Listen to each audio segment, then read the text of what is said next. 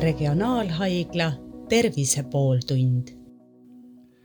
tere, te kuulate Regionaalhaigla Tervise pooltundi ja täna me räägime insuldist ja saates on neli külalist, kellele ma palun ennast kohe ka tutvustada, palun.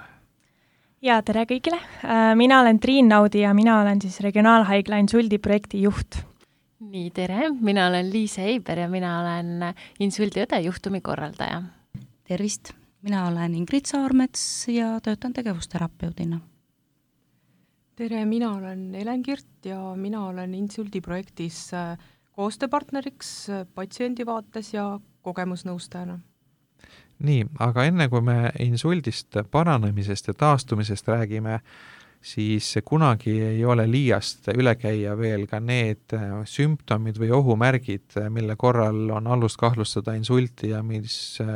mille korral inimene kindlasti peaks arsti juurde pöörduma, sest on ju väga äh, Äh, ohtlik see, kui äh, nii-öelda jäädakse hiljaks või magatakse maha ja, ja aju saab juba rohkem kahjustada, nii et mis oleks äh, need märgid, mille korral kindlasti võiks kahtlustada insulti ja tuleks arsti poole pöörduda mm? -hmm. Täh-, esmalt siis äh, tunnuseks võib-olla insuldi kohta ütleks seda, et insult algab järsku, et sümptomid algavad ootamatult. Eh, mis eh, välja tooks, võib-olla on siis ühe kehapoole halvatus. et jalg ei kanna hästi, käsi, kätt ei saa hästi liigutada. Ja teine võib-olla tooks välja see, et on kõnehäire, et inimese kõnest ei saa hästi aru, inimene ei suuda ennast ka niimoodi väljendada enam, nagu ta tahaks. Aga sellised hästi kerged nii-öelda mikroinsuldi juhtumid, kus lihtsalt inimene tunneb ennast korraks halvasti ja siis see läheb ruttu üle, et, et äh, kui ohtlikud need on, kas sellistes olukordades äh, peaks ka kindlasti arsti poole pöörduma, kas need üldse on võimalik niimoodi ära tunda, neid olukordi? jaa, seda kutsutakse siis TIA-ks, et tõesti sümptomid mööduvad iseenesest äh, ja üsna kiiresti võivad need mööduda, aga sellest olenemata tegelikult peaks pöörduma siis erakorralisse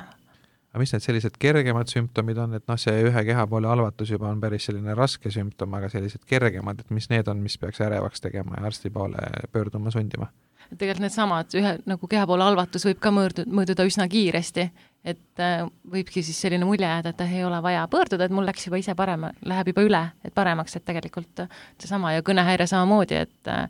ei suuda ennast väljendada, keegi kaaslane ütleb, et ma ei saa aru, millest sa räägid, aga siis mingi aja pärast jälle kõne taastub et äh, siis need on ka need ohumärgid mm. -hmm aga nüüd, kui äh, on juhtunud see, et inimene on insuldi saanud ja on äh, esmase kiire ravi saanud ja tal on sellest haigusest ikkagi tulenevad mingisugused järelnähud, kas kõnehäire või, või liikumise häired või, või midagi muud, siis algab pikk taastusravi ja see on selline koht, kus, kus võib saavutada häid tulemusi, võib ka mitte, aga igal juhul proovima peab, et kuidas see taastusravi täna on korraldatud ja mis see endast ikkagi täpsemalt kujutab? kõige olulisem on ikkagi see äh, statsionaarne taastusravi, mis järgneb siis raskematel juhtudel, et mõned kergemad juhud jäävadki, jäävadki ilma statsionaarse ravita, kuna seda pole vaja, inimene on suuteline ise hakkama saama kodus ja ta läheb nii-öelda tavaellu tagasi ja saab oma eluga päris hästi hakkama, aga raskem on siis nende patsientidega, kes äh, lähevad kohe statsionaari, sageli. Äh,, sageli neil juhtub see kuskil töö juures või tänaval, see insult, ja ja kui ta nüüd jõuab lõpuks statsionaari, siis äh, loomulikult on see meeskonnatöö seal on, tegeleb siis vastavalt vajadusele logopeed, psühholoog, tegevusterapeut, füsioterapeut ja, ja siis ravimeeskonda juhib raviarst. aga kui kaua see taastumine aega võtab, kui äh, aeganõudev protsess see on? esimese, esimene pool aastat on selline kõige suuremate muutuste lootuses äh, see taastusravi, et siis saab, siis saab veel paljugi muuta ja kõige, kõige sellised ähm, Äh, kõige suuremad muutused toimuvadki esimese poole aasta jooksul, aga üldse kokku me räägime suures, laias plaanis kahest aastast. et ähm, siis on, siis on nagu see põhiline tase saavutatud ja edasi on rohkem õppimine, elama õppimine selle haigusega. aga kui suur roll patsiendil endal on seal, et tegelikult äh, paljud harjutused ju nõuavad sellist suurt järjekindlust ja võib-olla inimene, kes ennast halvasti tunneb, ei, ei ole üldse nagu motiveeritud ka väga niimoodi vaeva nägema ja, ja, ja selles mõttes noh, tunneb ennast haigena, et kui, kui palju see patsient ise saab ära teha ja kuidas üldse leida seda, seda eneseusku või seda motivatsiooni, et, et kõiki neid harjutusi kaasa teha? no eks sinna patsiendi enda panusesse kõik nagu taandubki. et kui palju ta ise kaasa töötab, kui motiveeritud ta on ja, ja siin on meeskonnatöö teda motiveerida loomulikult. kuid ütleme, see motivatsioon ja, ja sellele järgnev teostus, see on iga insil-, iga insuldi puhul erinev täiesti, et mõni patsient, ta on väga motiveeritud, aga talle lihtsalt sellele ei järgne korraldusele nii-öelda ei järgne tegevust.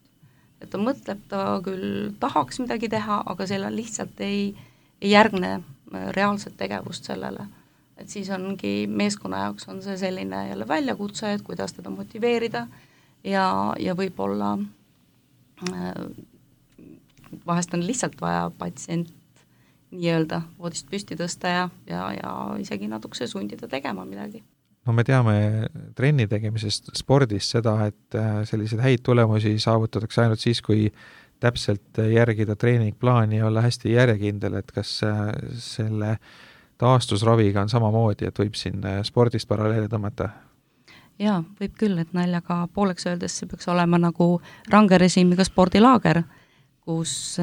kus inimesele ei jäeta eriti palju äh, mugavustsoonis viibimiseks ja äh,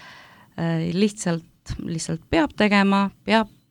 pingutama, et äh, mingeidki tulemusi saada ja, ja ka üks aspekt on see, et äh, kõik need tegevused, mis patsiendiga tehakse,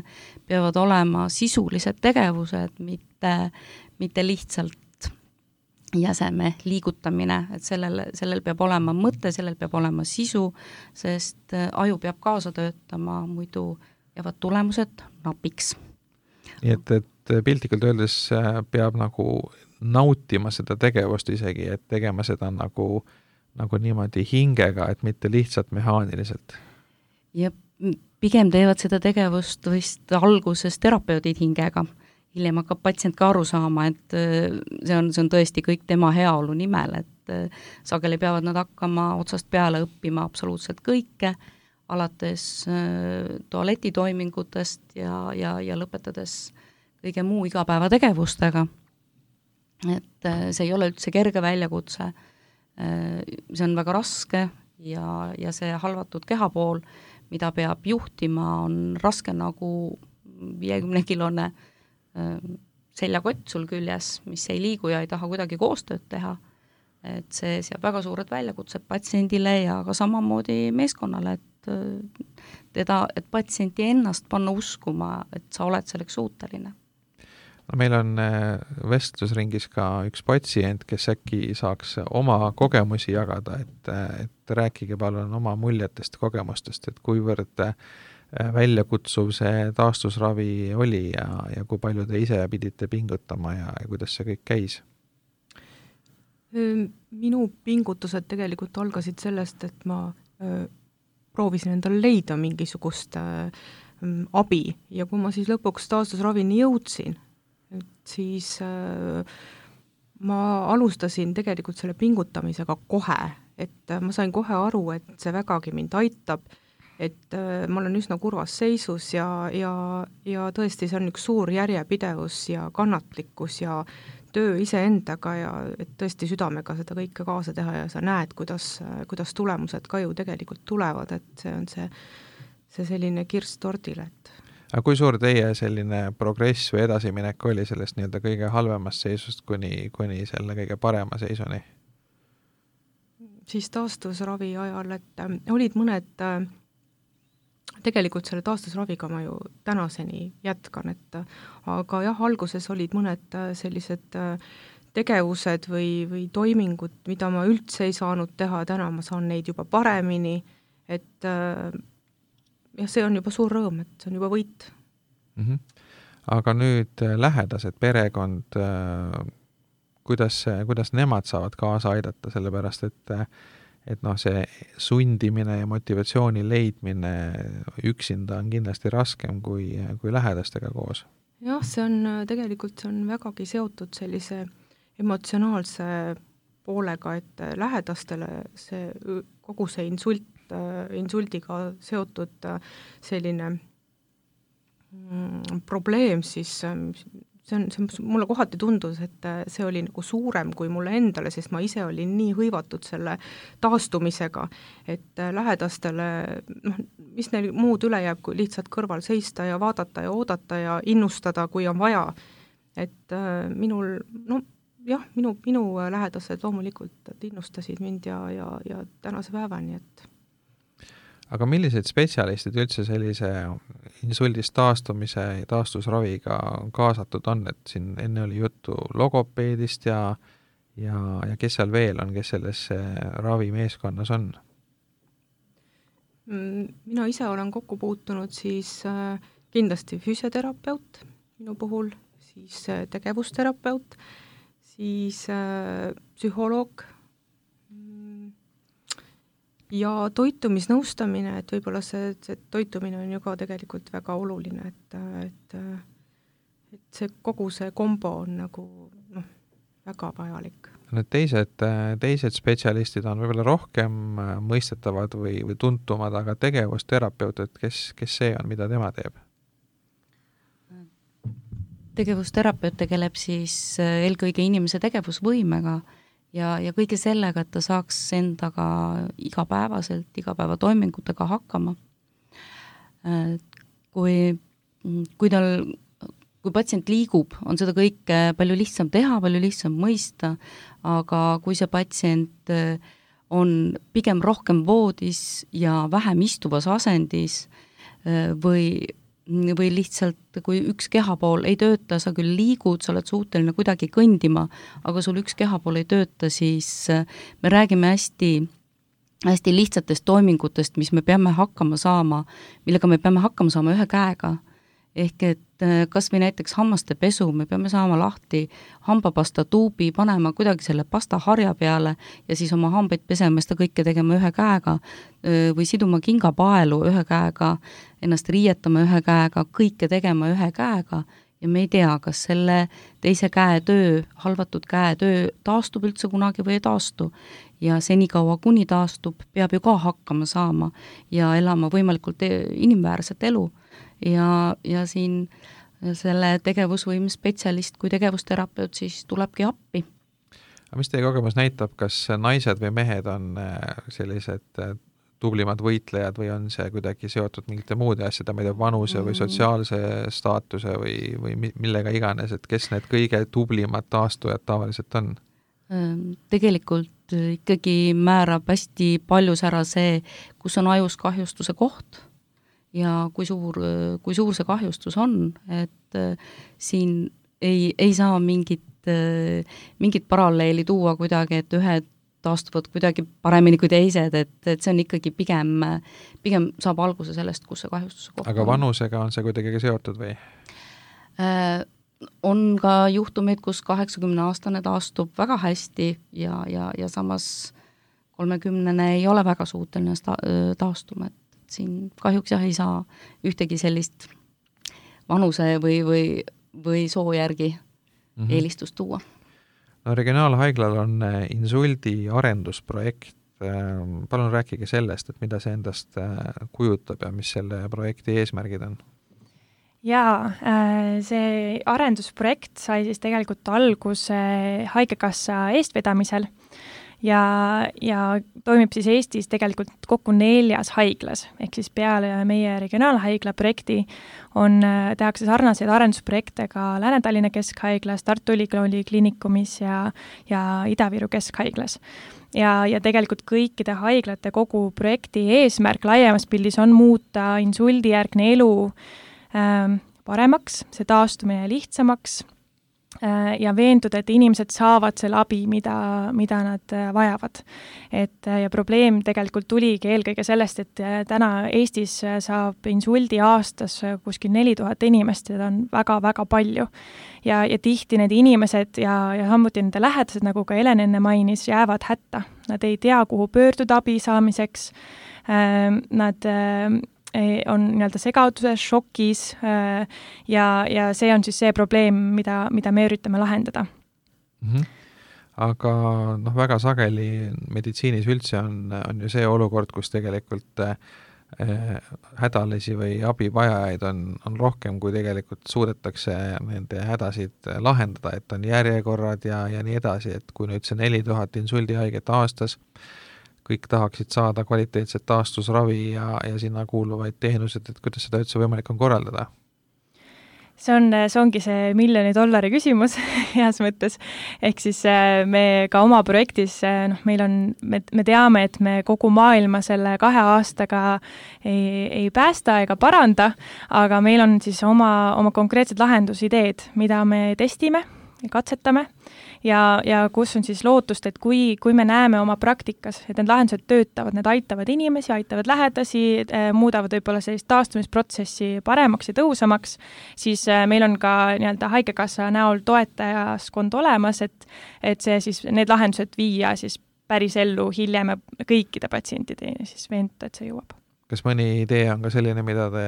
saate kohe jagada, et äh, mis need lahendusideed on, et lihtsalt näitlikustada? jaa, meil on äh, minu, minu kõrval istub siinsamas äh, Liise, kes on siis insuldiõde juhtumi korraldaja, see on täiesti uus roll, mis me arendusprojekti raames lõime ja, ja Liise on siis see inimene, kes tegelikult meie Äh, arendusprojekti kaasatud patsiente ühe aasta jooksul jälgib, äh, koostab, teeb neile tervisealast nõustamist, vastab vajadusel kõikidele küsimustele äh, ja on igatepidi toeks siis nii patsiendile kui lähedastele aga Liise, siis äkki te räägite ise natukene oma senisest tööst, et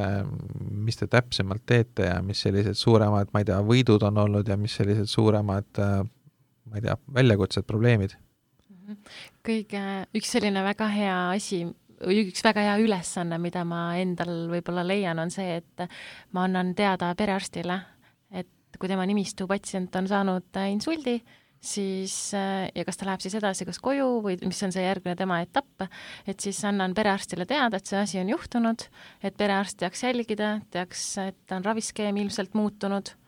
Aga kas seda kuidagi elektrooniliselt sellest digisüsteemist välja ei tule, et noh, ma, ma võib-olla küsin naiivselt, aga ma kujutan ette, et kui on meil digilugu, et siis äh, kui patsient saab mingisuguse sellise raskema diagnoosi nagu insult, siis kusagil lähevad mingisugused punased lipukesed üles ja perearst ka näeb, et tema nimistu patsiendil on mingisugune selline äh, haigus. jaa, see oleks see, mis oleks ideaal, küll aga tõesti, kui patsient eraldi läheb või perearst eraldi läheb äh, patsiendi ravi, digilukku vaatama, et siis ta näeks seda, aga ta peabki teadma, et ta sinna, teadlikult sinna otsima minema seda, et hetkel tõesti ühtegi teavitust talle ei tule. et sellist võimalust, et nagu perearst näiteks sorteeriks, et tema nimistu patsiendid, kõik, kellel on insult, kuidagi eraldi nimekirjana välja tuleks, sellist asja ei ole? see oleks jälle selline ideaal, seda ei tule, jah. ahah, et selles mõttes te nagu mingis mõttes teete tööd, mida peaks olema võimalik lahendada mingisuguse IT-süsteemiga? just võib nii öelda. ja niikaua, kui seda IT-süsteemi arendatakse, siis te nii-öelda tulete appi ja lahendate seda siis nii-öelda käsitsi või inimtööjõuga? jah, selle telefonikõnega, jah. ahah te tahtsite siin vist kommenteerida ka siia juurde, et, et seda, seda juttu, et see, mis puutub seda IT-süsteemi suutlikkust, et see kuidagi pani kõiki päid vangutama, et natuke pani kihama meie seltskonna. jaa, et mis emotsioonid jaa, siis sellega kaasnevad? ma olen ka seda, seda meelt, et see on üks suur unistus, et, et see tehniliselt niimoodi laheneks, et see oleks super aga, aga insuldiõde, et kui ma seda, seda ametinimetust insuldiõde juhtumi korraldaja kuulen, et siis mul on selline klõnks käib läbi, sest et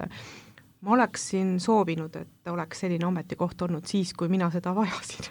et äh, tegelikult see põhiroll on ju ikkagi see, et äh, et ma saan tuge sellelt inimeselt, kes on spetsialist, ma saan informatsiooni, ma saan julgustust, ma saan mis iganes, on see tervis, on see noh, mingisugune informatsioon teraapiate kohta, et kust ma midagi saan, et noh, ma ise olin küll väga, väga hädas sellega alguses, et et see on nagu see roll, et, et kui te olete näiteks nüüd haiglast koju saadetud, et siis noh, ilmselt arstil ei ole lihtsalt füüsiliselt aega ega võimalik teie kõikidele küsimustele pidevalt vastata, eks ole, ta tegeleb juba uute haigetega, nüüd on vaja kedagi, kes aitaks teil ka igasuguseid praktilisi asju, anda nõu, kust mida otsida või leida, et see on just see asi siis, millega see juhtumikorraldaja tegeleb. Just, just, et äh, lisaks sellele, et ta perearsti ka teavitab, on, on see,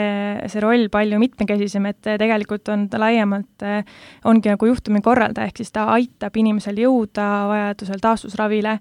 äh, aitab teha koostööd perearstidega, meil on ka mõned patsiendid, kes Äh, kes tulevad ja pöörduvad erinevate sotsiaalküsimustega inimese poole, et kuidas mul on näiteks vaja minna har-, äh, arsti juurde haiglasse, aga inimene ei ole ise võimeline bussi peale minema, elab kolmandal korrusel Mustamäel, on vaja kuidagi sealt siis haiglasse saada ja, ja selliste küsimuste puhul pöördutakse samamoodi siis insuldi juhtumikorraldaja poole. aga see, tegelikult see praktiline küsimus, et kui nüüd inimene tõesti on, liikumine on tal raskendatud, ja ta ongi, elabki näiteks sellises kortermajas, kus pole lifti ja peab treppidest liikuma ja ta seda ei suuda enam teha, et et sellised, ma kujutan, et selliseid olukordi võib olla päris palju. ikka, ikka võib-olla sadu, kui mitte tuhandeid kordi aastas. et kas selles osas on teil ka mingisuguseid ideid või innovatsioone, kuidas seda olukorda lahendada, ma ei tea, kas või tulla appi elamispinna vahetamisel või, või uue leidmisel või midagi sarnast või see on asi, mis on pigem nagu selline kinnisvara valdkonna teema, mitte meditsiini teema enam? natukese on seal ka abi tegevusterapeudist jällegi, et äh, esiteks, kui, kui patsient liigub nüüd äh, statsionaarist kodu, koju, kodusesse keskkonda, siis äh, tegevusterapeudil on, on võimalus teostada paar koduteenust, et kas või nõustada seda perekonda ja nõustada ka äh, hädavajalike abivahendite osas, äh, vaadata, kas neid on üldse sinna elamispinda võimalik paigutada, mingeid käetugesid, äh, kas või lisakäsipuu koridori, et äh, koostöös siis kohaliku omavalitsusega on võimalik kõiki neid soovitusi anda ja, ja neid on ka teostatud tegelikult, et minu, minu kogemus nagu näitab, et neid on, on tehtud aga nüüd, kui selline tavaline kodu võtta ette, et seal on ka ju tegelikult päris palju asju, kas või mingite esemete kättesaamine ja kõik, kõik mm. muu, mis äh, võib-olla inimesed ei tule ise selle peale, aga teil on palju kogemusi teiste hädalistega, et, et te saate anda nõu, et ma ei tea, kas või seda, et et kuidas äh, toiduaineid paigutada või riideid või, äh, või, või vannitoas, vannitoas korraldada pesemist või midagi no,? no põhilised järeltraumad ongi valdavalt siis äh, pesemisel, et kuna on, äh, inimene on iseseibine ja keskkond on libe ja kuskilt pole kinni ka hoida ja kui keegi abistab, siis ega ta väga seda äh, pestavat inimest kinni ei saa hoida. et selle peale on vaja ennem mõelda ja need kohandused teha, et, et see kõik on nagu hästi, hästi võimalik organiseerida ja, ja koostööd ka teha siis sotsiaalvaldkonnaga, kohaliku omavalitsusega. jah ja see, see koostöö sotsiaalvaldkonnaga on tegelikult üks, üks meie, meie projekti eesmärkidest samamoodi, et üks äh, lahendusideid on, on ka, on ka selline lahendus nagu ühtne inforuum, kus me toomegi kokku tegelikult tervishoiu ja sotsiaalsüsteemi äh, sellised võtmeisikud, äh, et just vahendada informatsiooni selle patsiendi seisundi kohta, äh, vajaduste os-, os kohta, mis puudutab kodukohandust, Ehm, ja, ja kus siis on meie regionaalhaigla insuldiõde ja siis piirkondlikud erinevad osapooled, ehk siis me kaasame sinna Raplamaa haiglat, Rapla vallavalitsust, äh, äh, perearstikeskust ja, ja seal keskkonnas siis tegelikult on võimalik juba meie insuldi ajal, kui see patsient on haiglas, anda informatsioon edasi perearstikeskusele ja kohalikule omavalitsusele, et näed, siin on üks patsient, kes on tegelikult teie nimistus, kes tuleb koju ja tal tõenäoliselt lähebki kohe vaja tegelikult abi seal kodus hakkama saamisega, et tal on aktiivsed lähedased, ta on tegelikult võim-, võima-, võimeline kodus elama, aga et ta tal kindlasti läheb sealt nagu vaja seda lisatuge, mida võibki just anda siis see, see kohalik omavalitsus äh, koostöös siis perearstide ja meie insuldiõega no neid äh, organisatsioone ja inimesi, kelle vahel on vaja tegevust koordineerida, te olete siin juba praegu, ma ei tea, ma kokku ei lugenud, aga umbes kümmekond on juba vist ära nimetatud, et et kuidas see koordineerimine käib, et kas seal on ka noh, igasuguse projekti koordineerimisega alati on ju, on ju see, et on vaja saada kõik ühele nõule ja siis alati keegi on vastu ja, ja, ja, ja nii-öelda pidurdab seda, et kuidas see on läinud, et mis sellised kõige suuremad äh, kitsaskohad seal on? Äh, meil on projektis on tegelikult kokku seitseteist koostööpartnerit ja ausalt öeldes Äh, jah, see koordineerimine on väga-väga suur töö, nõuab väga palju aega, aga mis on minu jaoks olnud kõige positiivsem üllatus selle projekti loomise ja juhtimise osas, on see, et tegelikult küsimus ei ole üldse motivatsioonis. inimesed näevad probleemi, nad tahavad seda lahendada, e, ehk siis küsimus on kättevõtmises ja et olekski siis keegi, kes võtaks kätte ja, ja aitaks tegelikult ka tegudeni jõuda ja, ja kas või kutsukski kokku need inimesed, kellel on võib-olla eriarvamused ühe laua taha, et saaks saaks siis seal, seal need asjad läbi rääkida ja edasi liikuda, et ähm, see on olnud selline positiivne üllatus just seoses koordineerimisega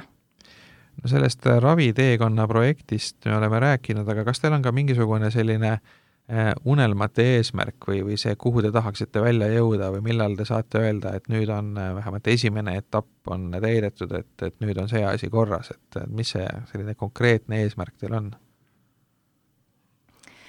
See on hea küsimus, nagu ma ka alguses ütlesin, siis tegelikult see töö ei lõpe mitte kunagi, sest äh, me räägime siin ka väga nagu laiadest suurtest probleemidest, mis puudutab näiteks logopeedide puudumisega, erinevate spetsialistide puudumisega, et et selle, need, need kõik tegelikult ka vähendavad seda taastumispot-, nagu võimet, sest inimesed ei, ei jõua nende vajalike spetsialistide juurde. aga kui rääkida sellisest, noh, sellest tööst, mida meie saame teha ja täna teeme, siis kindlasti üks, üks punkt, üks edupunkte, kus me võib-olla juba täna oleme, on see, et me, me tegutseme selles suunas. meil on juba kaasatud patsiendid, kelle peal me tõesti näeme positiivseid tulemusi, need on küll esmased, aga, aga sellegipoolest, et see juba, et see protsess käib, on minu jaoks juba see esimene samm. ja, ja nüüd äh, järgmine samm ongi mõõta siis, kuidas, kuidas see nüüd järgmise kahe või kahe aasta jooksul hakkab välja nägema, et mis need tulemused lõpuks on ja, ja kuidas see siis hakkab tavaellu rakenduma, nii et loodetavasti sealt sirguvad välja sellised üle üle-eestilised teenused. kas teil on ka mingeid eeskujusid, et noh, meil siinsamas naabruskonnas on riike, kus sotsiaalsüsteem on väga kõrgelt arenenud, Soome ja Rootsi näiteks, et kas seal on olukord meiega võrreldes kõvasti parem ja palju me sealt õppida saame? Nii ja naa, et häid süsteeme on, aga mis meie ka projekti kirjutamise juures ja ideede lahti, lahti mõtestamise juures sai määravaks, on see, et tegelikult neid lahendusi Need on, me võime vaadata välismaale näha seal häid lahendusi, aga me ei saa kunagi olla kindlad, et need töötavad Eestis, sest meil on täiesti teistmoodi tervishoiu- ja sotsiaalsüsteem. ja, ja ilmselgelt me nüüd nagu kõike nullist ei hakka üles ehitama, ehk siis me peamegi, meie, meie nagu ülesanne täna on siis see, et mõelda välja lahendused, mida me saame katsetada enda süsteemis, et jah, võtta muidugi mingeid häid nippe kuskilt välismaalt, aga, aga et me, me ei saa olla veendunud, et see üks-ühele ka päriselule vastab siin Eesti maastikul kas midagi on ka sellist, et kui te hakkasite selle tööga pihta, et mingi eeldus või oletus, mis nagu üldse paika ei pidanud, et mis teid selle asja juures kõige rohkem, ma ei tea, on üllatanud, et, et see asi ei ole nii, nagu te alguses arvasite? üllatunud äh, mina, kui ma tulin siia äh, insuldiõena tööle, siis ma mõtestasin juba, et see kindlasti ei ole lihtne, et kindlasti saab raske olema ja nüüd, kui ma mõtlen, siis need patsiendid tõesti ei ole lihtsad ja siin need olukorrad on üsna keerulised ja kõik olukorrad on täiesti erinevad ka, et kuidas kellegi teekond läheb mm. -hmm. minu jaoks võib-olla üks üllatavaid äh, asju on olnud see, et, et kui me rääkisime ka sellest, et üks nagu põhimotivatsioone, miks seda projekti üldse Haigekassa alguses hakkas eest vedama, oli see, et inimesed ei jõua teenusteni. ja üks äh, minu arust praktilisi õppetunde meil on ka see, et isegi kui me pakume näiteks mingisuguseid teenuseid, siis alati inimesed ei taha et seal ei olegi alati küsimus selles, et kas inimene on teadvustatud ja talle on pakutud neid selliseid sotsiaalteenuseid näiteks või võimalust ongi kodu kohandamist äh, läbi viia. ja meil on olnud üllatavalt palju inimesi, kes äh, isegi kui talle serveerida, et näed, see tegelikult muudab teie kodukeskkonna turvalisemaks ja teil on endal parem siin olla, siis ikka on see, et ma saan ise hakkama, minu poeg tuleb siin, vaatab ise üle ja, ja et ei, ei soovita seda abi, et see on olnud võib-olla üks selline hüpotees, mis ei pidanud paika, et mm. Me saame ka nüüd patsiendi käest küsida, et miks see nii on siis, et, et jääb mulje, et projekt pakub igasuguseid häid lahendusi, aga patsiendid ei tahagi kõiki kasutada, millest see tuleb? ma arvan sellest, et äh, insuldi inimene,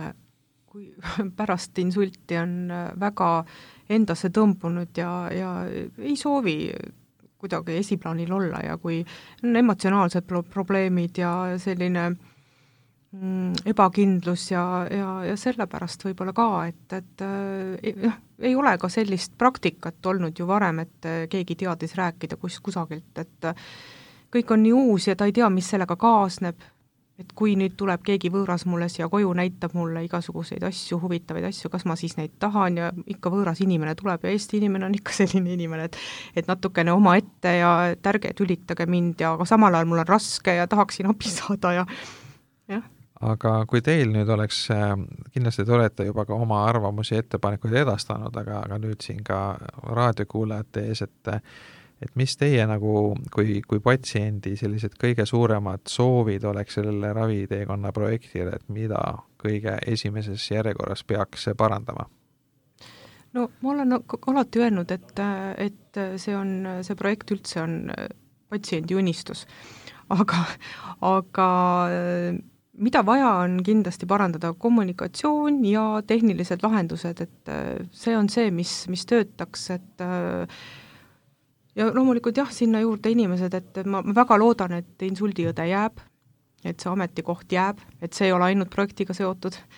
ja, ja, ja ma arvan, et need tehnilised lahendused väga, mis, millest me ennem rääkisime. Enne, enne need... olite ka väga heal arvamusel juhtumikorraldaja tööst, et, et sellist ametikohta varem ei olnud, et sellest oleks olnud omal ajal teile ka palju abi. absoluutselt, absoluutselt, ma otsisin, ma olingi esimene pool aastat, ma olin ikka väga suures äh, hädas ja, ja, ja ma olin ka voodihaige paar kuud, et ma oleksin soovinud sellist inimest äh, enda ellu, et kellega, kellega arutada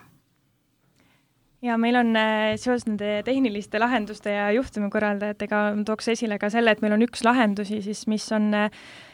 digitaalne juhtumikorraldaja, ehk siis mis üritab mingil määral täita sellist juhtumikorraldaja tööd äh, läbi nutirakenduse, ehk siis meil on regionaalhaigla insuldi äpp ja seal siis saab siis kas patsient või lähedane vastavalt siis ravietapile, kus hetkel patsient viibib, vastuseid erinevatele küsimustele ehk siis, et tõesti vähendada koormust, et arst ei pea olema see inimene, kes vastab äh, kõikidele miljonitele küsimustele, vaid et osad nendest küsimustest saaksidki vastuse digitaalsel kujul. ja et, äh, et vähendada seda, et võib-olla ka see info üleküllus äh, tekiks valel ajahetkel, ongi seal siis niimoodi etapiviisiliselt need küsimused ära jaotatud ja siis automaatselt saadetakse teavitusi sellele kasutajale. ma tegelikult olen töötanud neuroloogilises rehabilitatsioonis aastast kaks tuhat viis ja meie prioriteet on olnud värske insult aga äh, ja, ja meeskond on, on näinud, et kogu selle töö vältel me oleme näinud, kus on, kus on need kõige suuremad kitsaskohad ja kuhu tahaks nagu selle projektiga jõuda, äh, vaadates siis tegevusterapeudi seisukohalt, on see, et patsient läheb statsionaarselt ravilt kodusele ravile äh, kus, kus siis toimub tema tegevusvõime taastamine maksimaalselt võimalikule tasemele ja, ja siis on kaasatud hoolduspersonali, et, et see taastumine oleks võimalikult kiire ja võimalikult optimaalse abiga, et jätta patsiendile endale see aktiivsus ja, ja samas me ei tohi us-, unustada ära ka seda, et kui meil on üks patsient kodus, siis tema juures on ka vähemalt üks inimene, kes tuleb töölt ära. et meil on vaja tegelikult saada inimene tööellu tagasi, see, kes on hooldaja kui ka hooldatav, võib tegelikult liikuda ühel päeval tööellu tagasi, ehk et äh, ma näeksin seda, kus, kus see patsient liigub meditsiinisüsteemist sotsiaalsüsteemi ja, ja võib-olla Töötukassa süsteemi ja tööle tagasi. et see oleks nagu selline kõige ideaalsem, mis ma tahaks näha ja üks, üks arendusprojekti lahendusi, mida veel tooks esile, on, on tegelikult insuldi konsiilium või ravimeeskonna koosolek, kus siis, mille kutsub kokku Regionaalhaigla insuldiõde ja, ja kus osaleb siis nii patsient, lähedane, raviarst ja vajadusel ka siis erinevad terapeudid ja, ja seal sellel koosolekul siis käiakse läbi kõik, mis juhtus, mis, mis on hetkeseis selle patsiendiga, mis olid need riskitegurid, et insult tekkis. Ja koostatakse üheskoos selline insuldijärgne raviplaan, kus on siis nii raviskeem ja ka erinevad eesmärgid, mis on koos patsiendiga püstitatud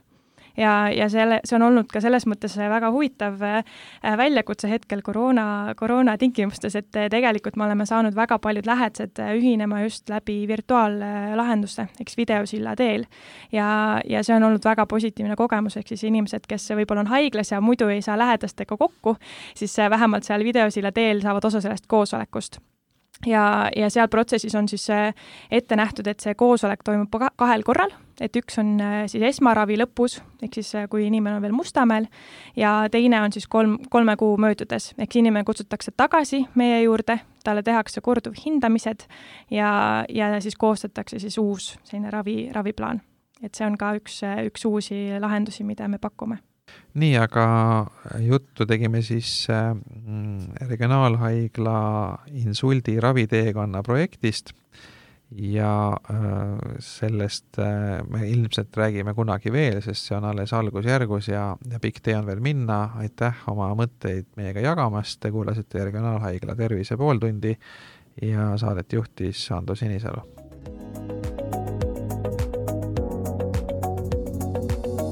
regionaalhaigla Tervise pooltund